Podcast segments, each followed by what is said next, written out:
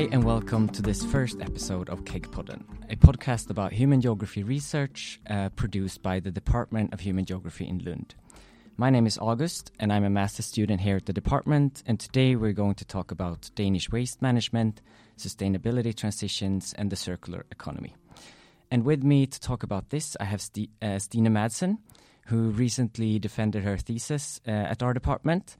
Uh, very welcome to the pod. Thank you, August. Wonderful to be here. So nice to have you here. And as I said, today we will talk about your dissertation, which has the name Pursuing a Circular Economy in the Danish Waste Sector Scale and Transition Dynamics in the transfor- Transformative Innovation Policy. Exactly. But before we talk about that, I would like to know a little bit about you. So I was thinking maybe you can tell me and the listeners who you are and how you got interested in human geography in the first place. Yeah. Um, perfect. Well, as you said, my name is Stine Madsen, and uh, I was a PhD student. Now I've defended my thesis very recently, just a few months ago, at the Department of Human Geography at Lund University. And um, and uh, I have studied uh, human geography throughout all of the years I've been at university. So since an undergraduate, I was in the UK, Mm-hmm. and then I came to Sweden for my master's and was able to pursue a PhD in the subject also. And I think it's a wonderful subject uh, that brings together um, uh, sort of you know topics and and uh, various concepts and ideas, Mm. uh, and it's a very broad. I mean, you can study so many things within human geography. Yeah, and I think that is one of the great, like the the great parts with human geography. There's so many different things, but it always has this, uh, like combines it with these concepts of space and place and scale and and these kind of things. And but but you have focused on like uh, in your dissertation, you have focused on sustainability transition studies, and I wanted to ask you. Um, if you want to tell us a little bit about this field, um, Yeah. Because it's a quite broad academic field as well, right? Yeah. Yeah, exactly. And it's a field that brings together a lot of other fields, so it's quite interdisciplinary. It stems from innovation studies, from science and technology studies, um, and various other fields. And it's about um, it has grown a lot in the past twenty years, so it's not a, a and sort of an old field, but it's quite a recent development. But but the community is really quite established today, I would say.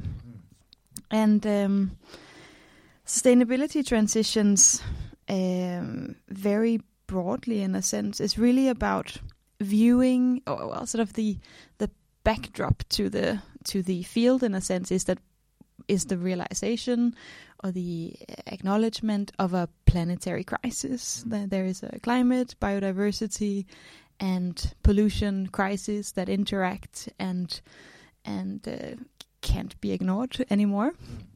And and so the field that's sort of the backdrop.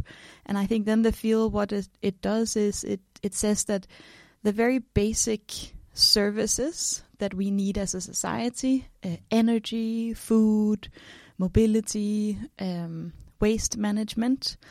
These systems uh, are currently also part of the problem. The way that we produce food the way that we produce energy the way that we manage waste is is part of the problem. And these systems therefore need to change. And that's the transition element in a sense. And this system perspective is also very key to the field. So it's about viewing um, these services as systems or basically thinking about sectors or the energy system or the waste system as a configuration that brings together various elements. And often you would talk about technologies certain actors and institutions. And that these sys- systems over time have developed um, sort of they are sort of dependent on each other and over time they've developed and become very stable. And of course that's part of the problem because changes within these systems will usually just be incremental. They will reinforce what is already there. Yeah, I think, and I think that is the interesting because I, yeah.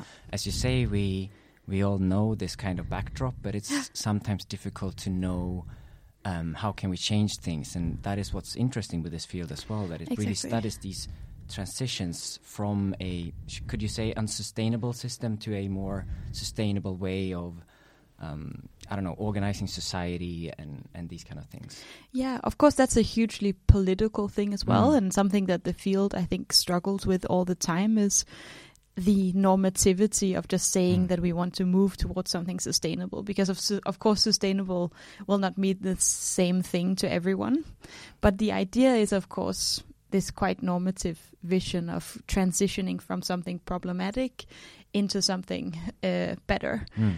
uh, what better is, of course, is a massive point of debate in every transition, as it should be. I think. Mm. Um, um, but it's but the field is then about what is what are yeah what is this stability about and what is this change about. Yeah. Um, And one important component then is these socio-technical systems that you talked about. exactly. So could you say that the Danish uh, waste management uh, is that a socio-technical system? Exactly. I mean, Yeah. that's how I've viewed it as at least. Mm. That's that's sort of the glasses that I've put on to try to understand change in the waste sector. That it is a configuration that exists of certain technologies, certain actors, and certain institutions Mm. that have developed over a long period of time, and that today are part of, you know, that there are things going on in the system that are not or that are contributing to the planetary crisis, you could say. Mm. And and that is like one of the big uh, parts of the, the um, of your dissertation and thesis. Uh, but then it's also about the circular economy, and I think this is also a very interesting thing. So maybe you can tell us a little bit about what the circular economy is in a very broad sense. Yeah, yeah. so basically, I think the way you can think about it is so we've established that there is an issue with the way we manage waste for Mm. various reasons. Um, resources don't get used optimally, there's a lot of energy that goes into the system. Mm. So, various things are going on there that are contributing to this planetary crisis in, in different ways, right? Mm. And so uh, the circular economy is sort of one vision, one idea that has developed as an alternative in a sense, something that s- actors want to strive towards, that the sustainability transition is towards circular economy. Mm. And then what is circular economy, you Yeah. ask, right? and and it's very much a buzzword. It's being defined by actors all the time. It's as it is being incorporated into policy, Mm. it's continuously negotiated, you could say, right? So I don't want to give like a certain definition, but I think one way you could think about what the circular economy is is to think about that it is in opposition to the current system, right? Mm. So it is in opposition to what is there today. And, And what is there today today? It's a linear economy, right? Exactly, yeah. Mm. So, so today we're talking about this more linear economy. So the idea that we extract resources from the earth, we process them to produce something, Mm. then we use or consume this something, Yeah. and then we dispose of it. Mm. Uh, it has an end of life. Uh, End we of don't life. we don't use it anymore. It becomes a waste. end of life waste that is usually like putting it on a, I don't know, putting it somewhere else or like Yeah. burning it or just throwing it away, Yeah, trying to remove it from exactly. the economy and society and everything. yeah i mean that's sort of the the very uh, rigid of course we've Mm. managed waste in various ways over the last couple of i mean centuries but yeah. um, but yeah it's this idea that that at the end of use Hmm. something dies in a sense it becomes the end of life and then the circular economy in a sense is is to say actually we need to not think about things in terms of end of life in terms of waste we need to kind of rethink that waste is resources it should Hmm. be fed back into the beginning of the line which now then becomes a circle Mm. rather than a line it becomes a circle right Yeah.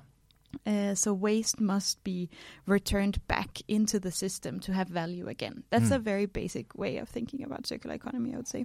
But I think it also like clarifies how it differs from from this uns- unsustainable Yeah. uh, way of organizing the economy Yeah. and, and, and the socio-technical systems today. And I think maybe one thing that's quite fun to think about when it comes Mhm. to the circular economy is Yeah. that there are degrees of radicalness. Mhm. Uh, So this is also relates to this idea that that the concept is being negotiated all the time, right? So you could talk about you'll hear actors talking about closing the loop, so Mhm. closing the circle. That's what we we talked about a little bit now, right? That um, that you want waste to become a resource. Mm. Um, you could also hear other actors talking about slowing the loop, Mm. um, which is about uh, that things actually need to stay in the circle for much longer. We Mm. need to use our things. We need to. So this, I think, begins to sort of uh, indicate another, you know, a more radical Mm. version of a circular economy. That that you need to use things longer. They need to not actually end up at the beginning of the circle so quickly. Mm. And others will talk about narrowing the loop. That actually we don't need to have so many things circling in the first place. Mm. Uh, so that's more of like an anti-consumption. And all these narratives are mixed up and presented in various ways Mm. in debates about circular economy. Yeah, okay, yeah, that sounds super interesting. And I think it's going to be very interesting when we um, apply this then to the Danish waste uh, management sector as we will today. But before we start to talk about the circular economy and sustainable transitions and so on in the Danish waste sector, I was thinking um, you could maybe give us like a yeah, give us some context about the Danish waste sector and um, how it has developed uh, historically and uh, what has guided kind of this development. Because I think all of us of course that are living in this society have one uh, or another way a relation to the waste sector because we buy a lot of things that we eat or don't eat and then throw them away or all these um, ways of management uh, managing waste I guess also differs in different places so what about you tell us a little bit about the history of the Danish uh, waste sector Yeah, of course. Yeah, and this was uh, something that I realized during my PhD project that Mhm. it was really important to try to understand um, the past uh, in order to really understand what some of these current changes are Hmm. uh, mean today, right? And uh, maybe just to set the context, in my PhD thesis, um, sort of circular economy is being implemented or being incorporated into European policy at the moment. Mhm. Denmark is a European member state, Hmm. so that policy and also legislative changes, so changes to the European sort of laws, are being implemented into the Danish context. And I looked at some of the very first legislation that came after the European Union had decided that they were going to pursue the circular economy. Hmm. And this first legislation was concerned with the waste sector. Hmm. So that's why that's sort of the context of where of of what I was looking at. I was interested in then trying to understand what does it look like when this is being implemented into the Danish sector. Hmm. And to get this historical background, then I sort of um, I've decided to write about five periods, sort of five overall periods, in the sort of in my little history of the Danish waste sector, Hmm. and I focus on on three main components. I focus on on practices, so how is waste treated? Hmm. I focused on actors, um, who is doing what, who has responsibility, and I focus on rationalities. So that is logics. What is the logic behind what is being done and who is doing it? Hmm.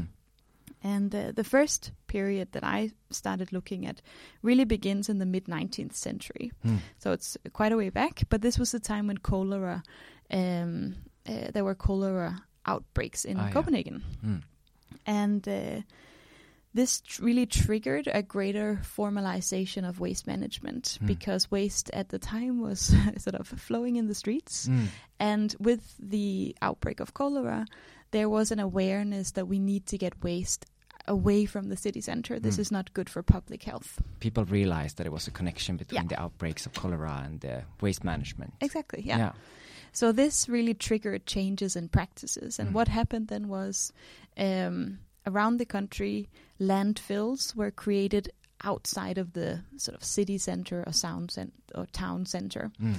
And landfills are basically, or were at this point, basically holes in the ground. And you would put the waste in, and then you would sort of fill it with soil at some point. Okay, so, they were like taking it out from the cities and just trying to separate it from where people were living. and, Exactly. yeah, Exactly. placing it somewhere else. Yeah. Exactly. And so that is the change in practice, you could say. Uh, the people who were responsible at the time were landowners often, and then there was these sort of local agencies, health commissions that were established, and they were responsible for uh, also for some of these things. Hmm. Um, and and then that also says something about the rationality that was guiding this practice and these actors, of Mm. course, because this is very much about public health. Yeah. Uh, yeah. So, and this really lasts for almost a hundred years, Okay. uh, 90, 100 years, Mm. um, where the waste is sort of the main practice of waste management in Denmark is landfilling. Mm. Um, but then in the 1960s, uh, even though the waste sector hasn't changed, society has changed Yeah. massively, like course. massive socioeconomic changes, Yeah.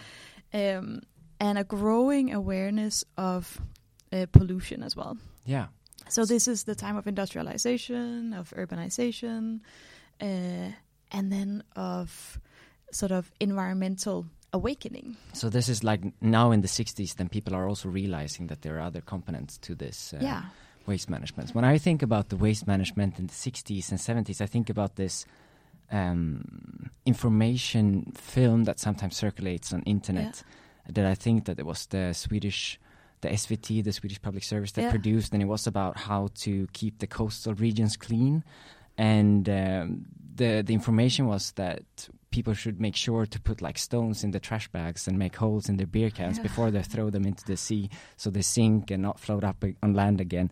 And uh, that today is kind of a funny yeah, yeah. No, it's funny great. idea of, of, of waste management, but Yeah. this was the time when people realized that it also had impacts on like ecosystems and environments and these kind of things. Or Exactly, What would you because I think you were moving away from like a logic of out of sight, out of mind, Mm. till at, you know if the beer bottle or the trash uh, bag of trash, if you couldn't see it yeah, uh, in the in the ocean, then it probably wasn't an issue.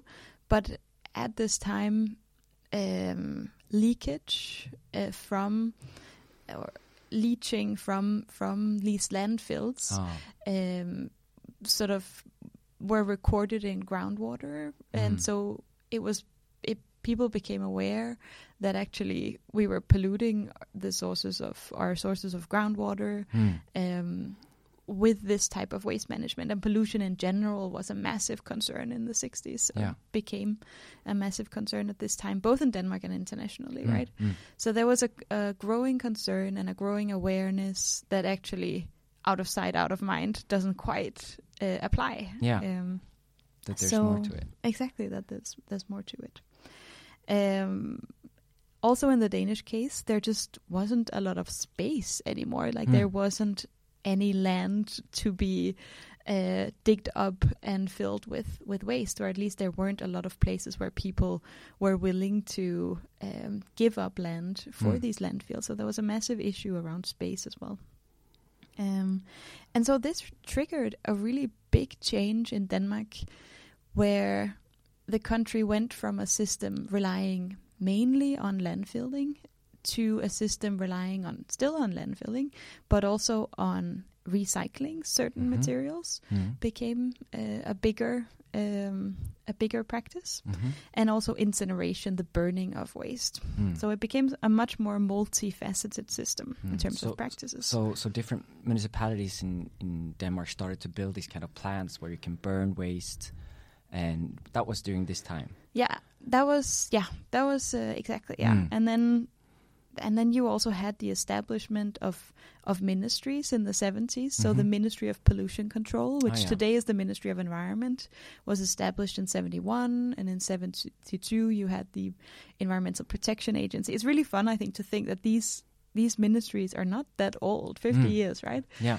um, and they were established and suddenly responsibility was removed from health and, and to this new agenda around environment Mm. and pollution Interesting. um, and so as you can probably uh, imagine the rationalities also changed right so Yeah. now it was about eliminating waste it was about preventing pollution still about health Mm. but in a different way Yeah, Yeah. Yeah, of course. so um, yeah, also with the oil crisis of the 70s. So Mm. all these historical events they played in, of course, and, yeah, and affected the together. sector. Yeah.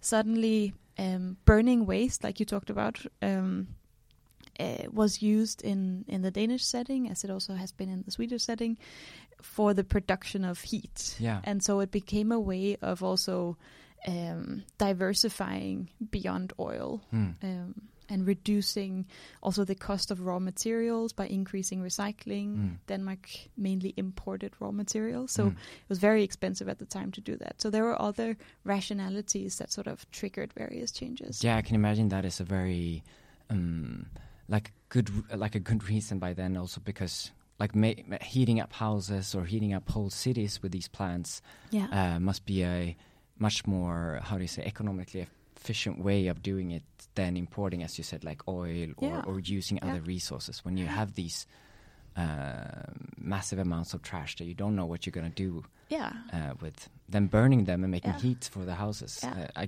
I understand that there people saw the logic in Yeah. it. Yeah, and Yeah. it's basic. It's not too far from some of the things we hear today about the circular economy, about turning uh, waste into a resource. That was also what was happening, right? Hmm. Uh, this was the beginning of some of the trends that we still see today, but also energy at the time was an, a hugely important resource that waste was turned into. Hmm. Interesting. Um, yeah. So this really continued um, this change, this diversification of, of practices. Mhm.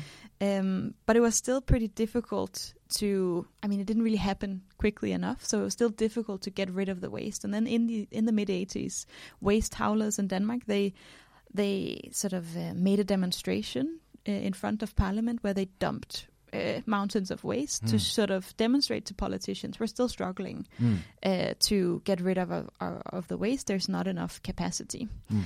and this really triggers a new period in the Danish waste sector, which is a lot about um, actors and responsibility, um, because as a result of this demonstration and of the lack of capacity, Danish municipalities were given.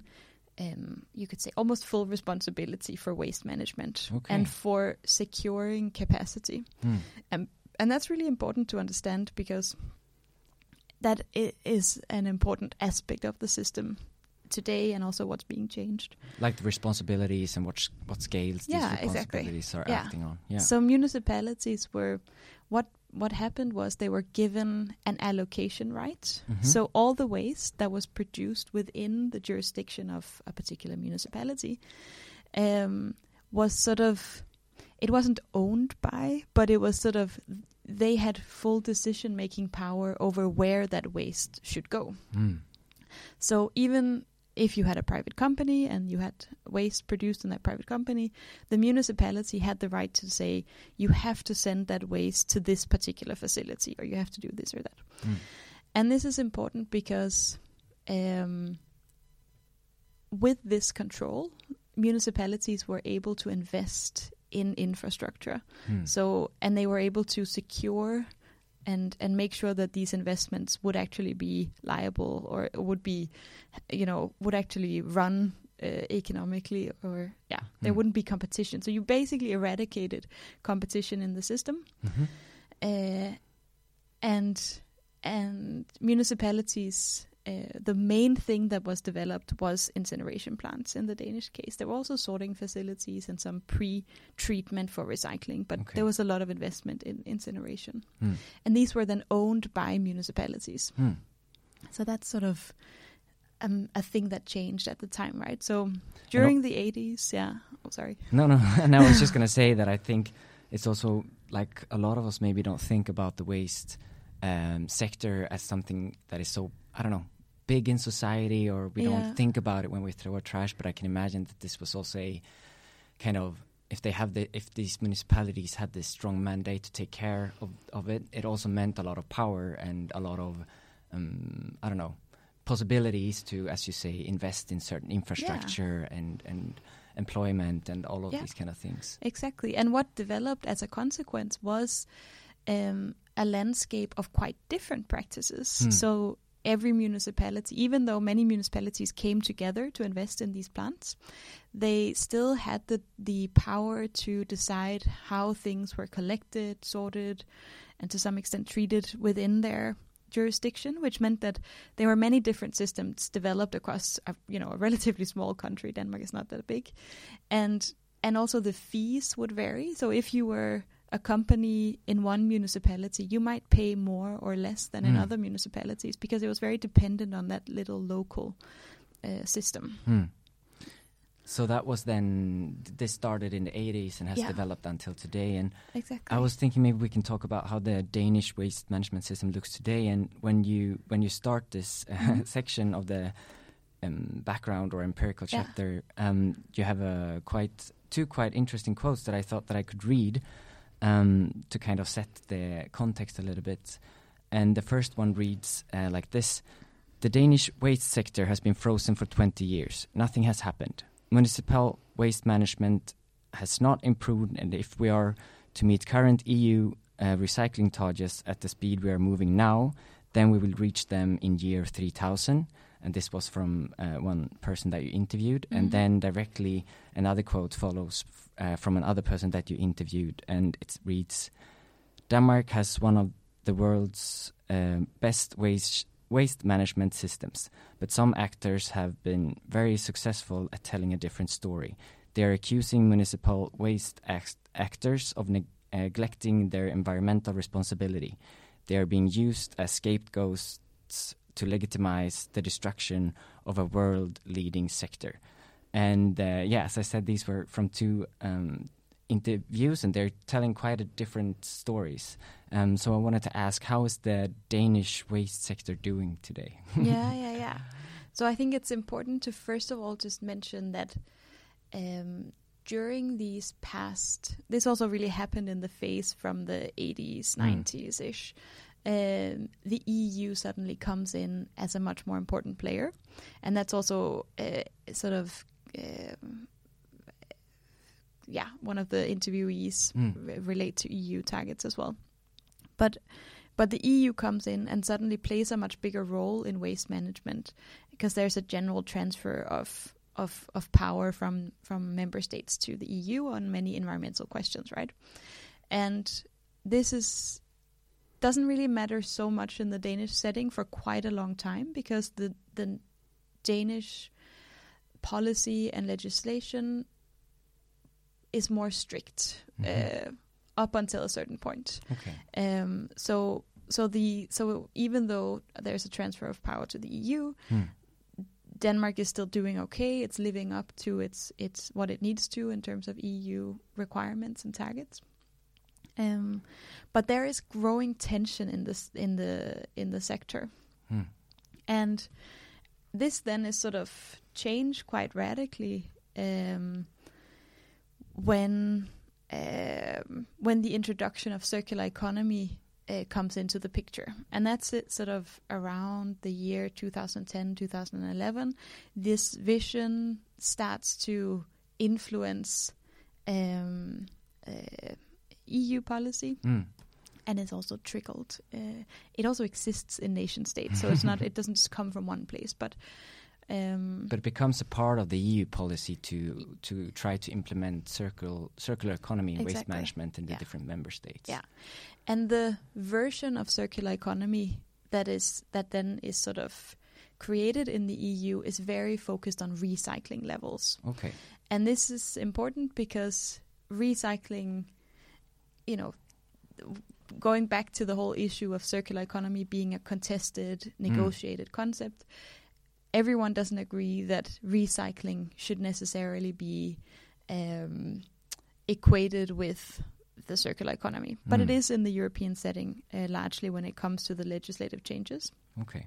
And so basically, uh, what happens um, with the particular changes that, that occur in 2018 is that recycling level targets are increased. hmm And it seems like Denmark is suddenly not living up to these requirements. And that's what these quotes are debating, basically, or that's what they disagree upon. One say, actually, um, you know, the system that is in place now is great. We we you know he he doesn't or he he or she doesn't really buy the premise of the need to reduce incineration, and the other person is like. We've known for so many years that this was the way things were going. We couldn't just, you know, no one ever said that we should continue to increase incineration or keep the levels as high as they are now. Mm. So there's a fundamental disagreement about what is a good waste sector, basically. Mm. And what is a good uh, circular economy as well, Yeah. and and how these like kind of interact with each other. Exactly. Yeah. So so the system today you asked where is it at now? Well, Hmm. it's it's in it's at a point of of of conflict or contestation and change basically because legislation from the EU sort of forced Denmark to um, um, make changes to the sector, and these changes have been very uh, controversial. Hmm. Uh, actors haven't agreed, and I think one of the most important things that happened are in two, two, 2020 uh, when the government um, decides that uh, municipalities uh, kind of lose their decision, lose this sort of very particular decision making power that they've had for so many years. And they say that we need to streamline across the country. We need to collect and sort and, and to some extent treat in similar ways. and we need to cap incineration by 30%. Hmm. And that is also very interesting because then that is a new scale and a new actor. Now we Mhm. talked about the subnational, like the different municipalities, and the EU uh, scale, Yeah. and then the uh, like national government also became becomes an actor in this. Um, Yeah. And was that because of a election, or what? What made them more active? Do you think? Um, I think first, I mean, there are many, probably different things that play in, but I think first of all, it was the pressure from the EU. So suddenly there was a pressure to um, to live up to these new targets. Hmm. You couldn't kind of uh, keep resisting change in the sector. There was also, um, I think, the industry was very successful in in in sort of telling politicians and telling the public that if the if we streamlined, if we removed this non-competition aspect of the Danish waste sector, if we started liberalizing the sector basically, then um, then we will be able to recycle more. Mhm. Uh, so there was they were very successful in in arguing that as well, and and they sort of um, also there was some interesting sort of partnership almost, or there was some. Uh, I mean, NGOs were saying similar things. So there were multiple actors that sort of told politicians similar things that Mm. don't usually agree or don't always agree. So NGOs and industry in this case were were all saying we need to reduce incineration so that we can increase recycling Mm. uh, levels.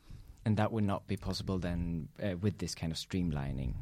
Uh, They wanted, yeah, exactly. They wanted the streamlining because they said Oh, yeah. that that um, streamlining allows businesses, assumably, mm, mm. to take the material and Mm. recycle it easier. That was their their logic. Yeah. Yeah, so then we have another like actor in another level uh, or scale here as well. Like the NGOs are also a part of this. And Yeah.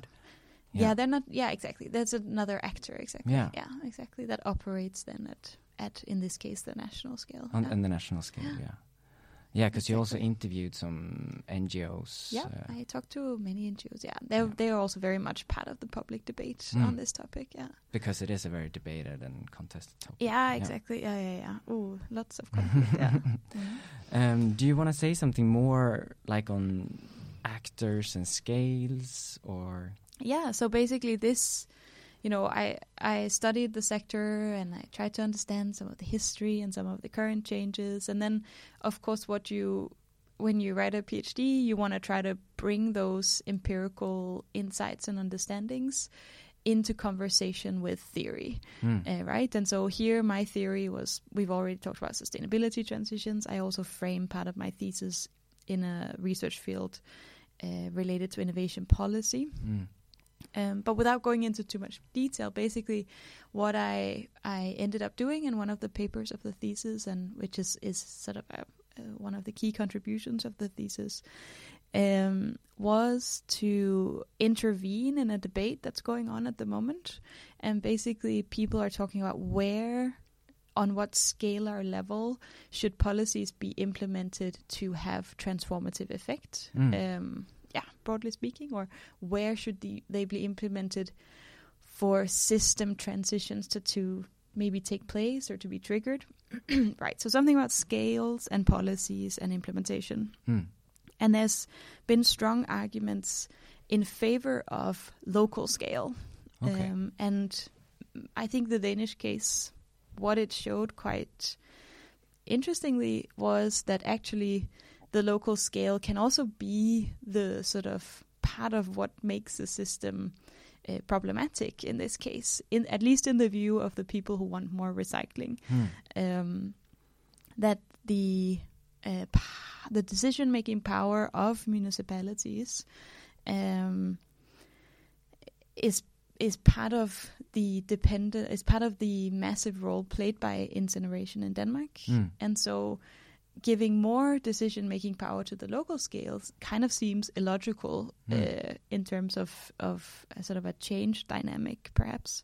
Could And you say so- that the local scale, like from this historical background that we talked about before, where they got so much power that Mhm. they kind of locked into some kind of path of doing it in certain ways, yeah, and that exactly. it made it Yeah. difficult to change that path? Exactly. Yeah, of course, and because municipalities were invested in this infrastructure, and they had certain incentives to keep that going as well, and and change was maybe more difficult to see at this le- at this level Mm. uh, in Denmark. So so then going back to this more theoretical debate, I then just basically re- it's really quite a simple argument. I just say, um, well, maybe it's not so much about um, the local scale as as a place of transformation necessarily. It's more about the ability to switch or rescale certain um, s- uh, systems. Mm. And so, uh, to make that argument, I use uh, sort of geographical literature on scale, which talks about that scale is not really this set thing. Like the local scale doesn't is not the same thing in different places. It's Mm. something that develops, it contextualizes, um, and so. Uh, yeah, mobilizing that geographical literature, I try to make the argument that um, that that there's not one scale. It's not the local scale or the national or the supranational. You know, it's it's probably varies between different systems, between different places, and it's more about figuring out where the problematic system is kind of located now, and could a change in scale, as what's happening in Denmark, where um, power is being removed from the local scale, Mm. could that maybe be have some transformative power because it it um, yeah it opens up for new actors and it potentially uh, kind of um, destructs some of the problematic system so if- to say it in a simple way yeah Yeah. Mhm. but do you think that a um, the Danish waste management sector is moving towards more a circular economy now? Yeah, it's a very good question. I mean, I I struggle with the. Um, I think that there has been very much focus on recycling in Denmark. So very mu- and, and and that is reflected in EU policy as well. Mm. And we really need to, I think, be much more ambitious than just to talk about recycling. Mm. Um, we need to. I, I think, in my opinion, so that's this like closing the loop, right? But I think we need to talk about, you know, a more circular economy in terms of slowing and narrowing the loop. How can we not only try to recycle the waste that that ends up in the waste sector, but how can we minimize the waste that ends up in the waste sector, and how can we make sure that we use our things much longer and that we don't buy so many things? And so, Mm, mm. yeah, I don't think it's very necessarily ambitious enough. Yeah, because that this also uh, plays into when you talk about the waste hierarchy, right? Yeah, So we have the there's a hierarchy in um, within the circular economy, and you you think we should focus more on like reusing, Yeah. uh, which then means that it doesn't really end up in in the waste sector, maybe, or it Yeah. can sometimes maybe, or also reducing waste in general. Exactly, yeah. exactly. So the waste hierarchy is this um, uh, sort of idea or vision that guides um, EU policy and Mhm. a lot of national policy as well. And it is uh, basically this idea that you know we should that there's sort of a yeah there's a hierarchy there's a prioritization to what we should be doing so Mhm. uh, the worst thing we can do is to put things in in the ground is to landfill because Mm. there it has no value to us. It Mm. just sort of dies in the ground and it gives a lot uh, potentially a lot of problems later on with pollution and and various things. After that uh, in terms of the hierarchy is this level of of burning uh, so incinerating or or um, or that's another word for it recovering yeah recovering energy from the waste um, and then the step above that is recycling and then you have which is reprocessing materials. So you have materials come in and then you reprocess them. But when you reprocess them into something else it doesn't have to become the same thing as it first was. And in that like that sounds maybe unimportant but the problem is that things can kind of be recycled to a higher value material or a lower value material. Hmm. and if it's continuously recycled to a lower value material then you still depend on the extraction of new resources Hmm. for the production of that first thing So an example of that could maybe be if you have like a, I don't know, a bottle that is made of plastic, Yeah. and then it's recycled into a sweater sweater or, or, yeah. something else made of plastic. Then Yeah. that is a either a downscale, like a Some people would argue that's a downcycling because um, you you would still need um, the, like the the raw material needed to create a plastic bottle um, is is more difficult to get a hold of. Like it's you would currently if you made all plastic bottles into sweaters, Hmm. then you still would need virgin material to create new plastic bottles if you wanted to continue to have a lot of plastic bottles. But um, but that's that's a. I mean, that's maybe a fine. I mean, some people would argue then that maybe sweaters are better, but there are, there are other things too. It could be like plastic waste being turned into. Uh, like traffic cones or something Mm. like that which of course we need traffic cones but we can't it won't create a circular economy if we turn all our plastic bottles into traffic cones because or if we turn medical equipment, plastic medical equipment into plastic cones because we still need uh, that medical equipment and so we still rely on the virgin material that are extracted from to from produce Earth. new Yeah, bottles, and exactly. new medical equipment. Exactly. Yeah, So this whole because so- you don't make a medical equipment from a plastic cone. No, you can't. Or No. that would be difficult. Exactly. So there's something there about quality, uh, and so recycling is really quite an interesting and also difficult uh, thing for Mm. many materials. And uh, next level would yeah. then be reuse. Reuse, exactly.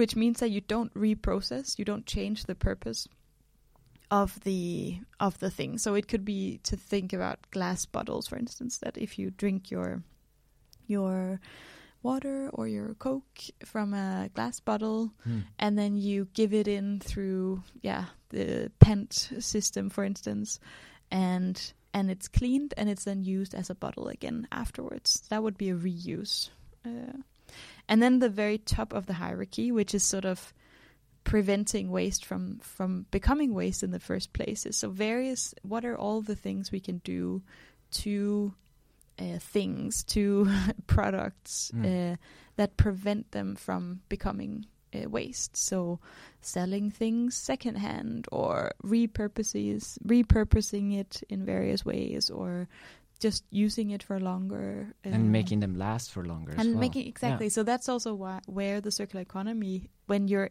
in this in the top part of the hierarchy, you're not just concerned about the waste sector anymore. You're very much concerned about how things are produced. You know, what is the quality of the material? Can it actually sustain use over many, many years?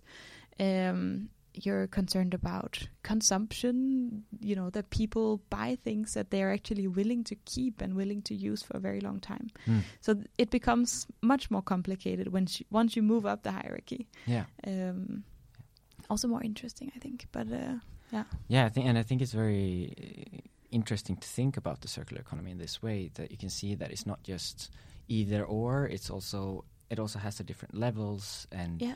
And and different ways, which then means different um, obstacles or possibilities Yeah. or opportunities and these kind of things, and and actors and consumers or producers, Mhm. and and then uh, how to take care of waste and Yeah, exactly. get so many different many different parts of it Yeah. that is interesting to look into. Yeah, and I think the waste sector is sort of this place it- it's where things come to die in a sense, Mm. right? But so many, but to really change that sector, you need to change, in a sense, everything that happened before as well. And this is often an argument from actors in the waste sector as well, and in the Danish case from municipalities, is that we can't turn, you know, if you give us bad waste, we can't turn it into a good resource. Like Mm. we need to you know there's not some sort of magic that can happen in the waste sector you need to actually produce things that last and produce things for reuse or recycling um, not put a lot of you know dangerous substances or chemicals in the materials that make it difficult to to to put to use later on Hmm. So that was maybe about the theory and some of your empirics and findings. And yeah if you're fine with it, I would like to talk uh, with you a little bit about your methodological chapter because um, I think it was very nice to read this chapter in the dissertation. Sometimes I, as a student, can also experience that is very difficult to actually like we learn a lot of new theories. It's super interesting uh, when we sit Mhm. in the classroom, but then we go out in the world and we try to, I don't know, see if they're applicable or yeah test them or um, see how we can use them in a everyday uh, setting or in connection to different problems that we see around us. So I wanted to ask you if you want to talk a little bit about how you um, how you took all these theories and and and how you uh, what kind of methods you used to to investigate this and, and Mm. research this in the yeah real world. yeah, yeah, yeah. Good question. Um, I should first of all give credit where credit is due. So my uh, the way that I approached sort of the relationship, you could say, between theory and empirical material was very influenced by a course I took pretty early on in my PhD here at Lund University, hmm and it was hosted by um, business administration, I think. Um, and there's a research group there, and one of the one of the sort of yeah key people, and and he was also in charge, I think, of this program is Mats Alvesson, and he's written a lot on on sort of research and and the relationship with. Um, uh, yeah, the relationship between theory and empirical material with another person, Dan Kärreman, uh, and who may or may not be at Lund University now. I'm not sure, but anyways, not so important. I took this course, and it was, I thought it was fantastic. It was about, um, and I also reference their work in my thesis and in that methods chapter quite a lot.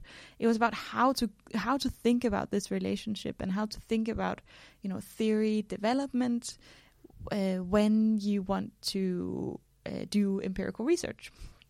So we should give credit to them because their their ideas influenced me. a lot, and and basically the way that I thought about it was that I wanted throughout my research to try to create a continuous conversation. So a conversation between theory that I was, you know, reading, being exposed to in various ways as a PhD student and a member of the department and so on. So theory on one side and then the empirical material, the case study that I was engaging with changes in the Danish waste sector. And basically what I did was uh, you know, I would uh, I would try to make sense of of the material that I was collecting. So I should probably mention that I'm a qualitative researcher. hmm So I attended a lot of sort of sector events, uh, full day events where I was able to observe and participate and listen to the debates in the sector and and this was also where many of these conflicts became very clear. I I sort of studied the discourse and, and narratives in news outlets and media and studied, you know, or looked at reports and various sort of legislation that was happening and being drafted. And then I did I carried out interviews throughout my research as well. Mm. Uh, sort of semi-structured interviews with key people in the sector. And how did you find them? Um, that was through. It could be through these events. You know, the people that were talking, the people that were, uh, you know, that signed off um, on you know opinion papers and news, and so you would pretty quickly get an idea. I think you know of who are the key actors in the sector and then you know go on their website and find out who is their spokesperson or something like that Hmm. so contacted them and so um yeah then ba- then you know trying to understand these changes trying to to understand um what was going on. And then often i would find you know not often but but now and then i would be or i would be actively looking for for uh, sort of a tension between the theory that I was reading and the empirical case that I was studying. Hmm. And I would, you know, once these tensions stood out, so for instance, like I explained with the scale thing, that scholars in the field were talking about the importance of the local scale. And in the Danish case, I was like, oh, this doesn't really make sense in Denmark because it's sort of like the opposite that's happening. And then uh, th- this approach to, to theory development says, ooh, when you find a tension like that, you know, dig deeper. Hmm. And so that's what I did. And and many times I found tensions that, you know, I was like, oh, okay, this is just me. I've misunderstood something. so I kept on looking. But this, for instance, with the scale, um, became a tension that I then kept digging and, and trying to understand. And it, it sort of allowed me to try to think about scale um, and change in a different way. Yeah, I think that is a very interesting way of using both materials Yeah. and theories that you. Because I, if I understood correctly, you have continuously throughout your um four years as a Mhm. PhD student collected material and Yeah. also worked with theory, like Yeah. at the same time, kind of. Yes, yeah. Yeah. Very chaotic process. and Sounds interesting in theory, Uh, and also uh, like pretty um, pretty scary at times because you're kind of looking for these tensions and you're hoping that they're gonna at some point something of interest will come up. But i mean you don't know right? And that was also very much my research. Many of the things that happened in you know 2018 also in the t- 2020 i had no idea. There was no way to predict that this would happen when i started my phd in 2017 Hmm. so it was also about allowing yourself to and of course you can't necessarily do that in a master's project or or a bachelor's project but but in a phd you you often have a bit more time right?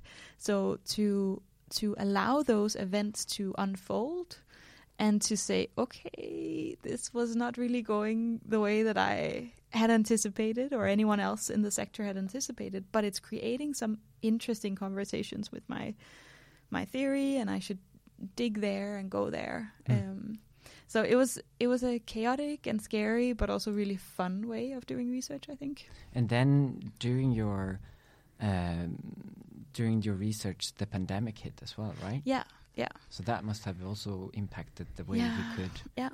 meet people or participate yeah. in events. A lot more online interviews and attending events at uh, webinars rather than showing up. But I I had a, I cheated a little bit because I was on parental leave for a big chunk of the of the at least the first wave of the pandemic. So that was a bit yeah that was sort of fortunate in terms of research. I was also I think so f- relatively far. So yeah, you said four years, but I was actually a PhD student for a little bit longer than that. but um but um I uh, I think I I had attended quite a lot of in-person events and various things before the pandemic hit. So I think that was a, an advantage uh, for me. Uh, I really I feel very sympathetic to the people that had to sort of start their empirical work, you know, during the pandemic Hmm. because I think I was in a somewhat different situation to Hmm. them. But uh, yeah, of course, it changes the game a little bit, or it did a lot. Yeah.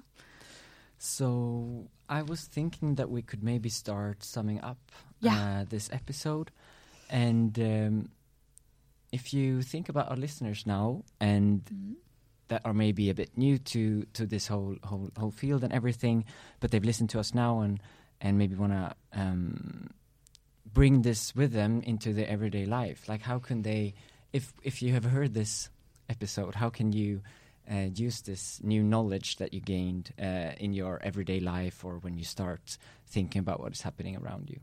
Yeah. So maybe linking that back to like the environmental crises a little bit and thinking about that.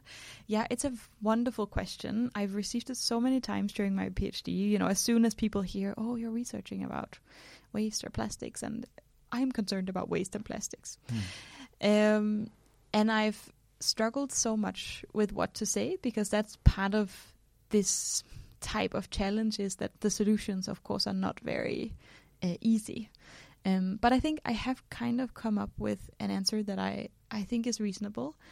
Um, I think if you as an individual are concerned about, you know, the use of resources, climate change, and want to try to link it back to circular economy or or waste sector issues, then my best tip is to consume less and really use the things that you have.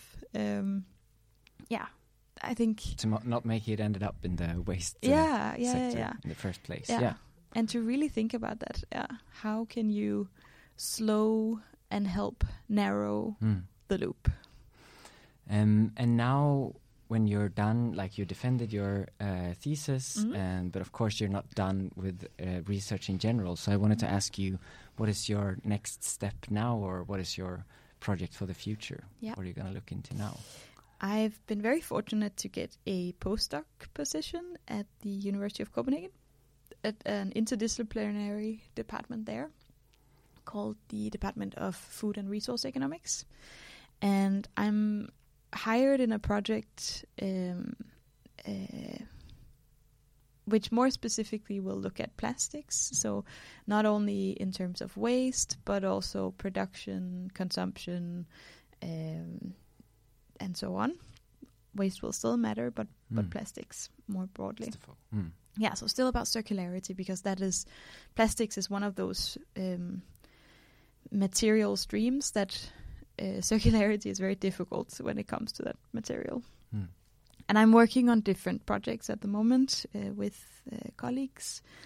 And yeah, looking at uh, the implementation of something called the extended producer responsibility on packaging. We're trying to look at differences between Denmark and Sweden uh, that has very different histories of how this has has developed over time, and specifically we're trying to um, work on thinking about how the study of law could be of interest to sustainability transitions.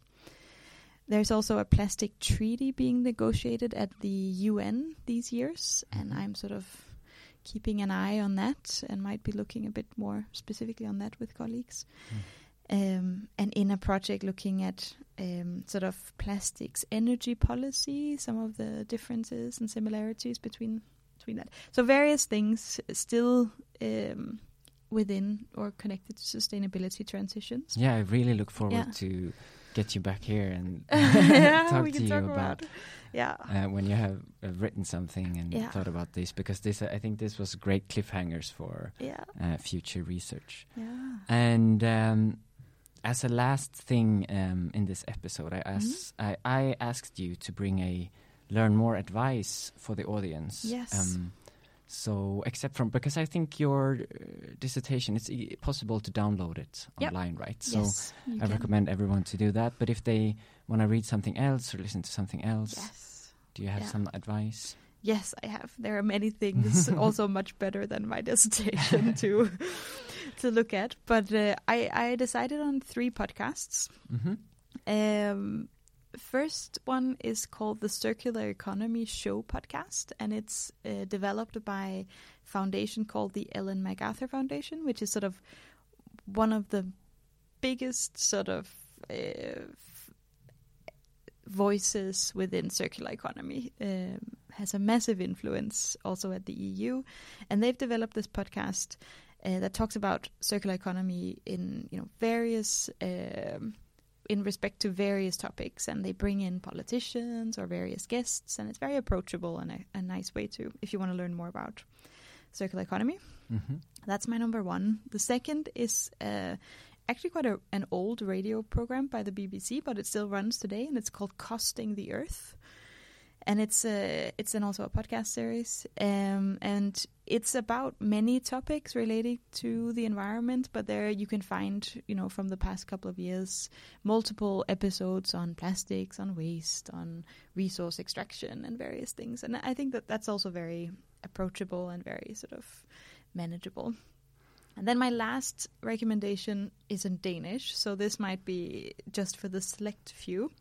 but uh, it's called Cirkulær Mode. Hvad skal der til? So circular fashion. Um, what do we need to get there, in a sense?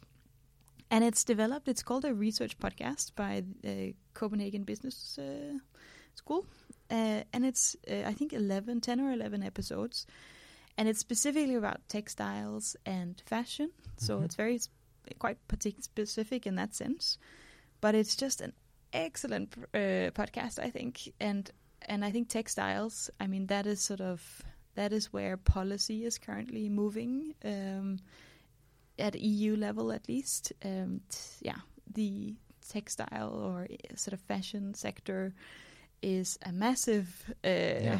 environmental um, uh, sort of polluter Yeah. and problem in many ways. And this talks about uh, what could be done to make it more circular. And I think they're quite radical. Mm. Uh, many of the, the guests that they have there as well. Okay, super so really interesting. fun. Yeah. Yeah, and I, I, I also really like listening to podcasts. So I'll make Yeah. sure to uh, look these up and also the Danish one. I think that might be good now when, when I live in Scania to Exactly. start to get to know the Danish language a little bit Yeah. more. exactly. But uh, with that said, I think that was everything from us today. Yeah. And uh, I want to thank all of you that have been listening to this episode. And I also want to say that if you want to uh, get in contact with us, you will find information on our website, which is keg.lu.se. And uh, I also want to uh, suggest that all our listeners subscribe and share and like this podcast. And I hope to hear from you soon again.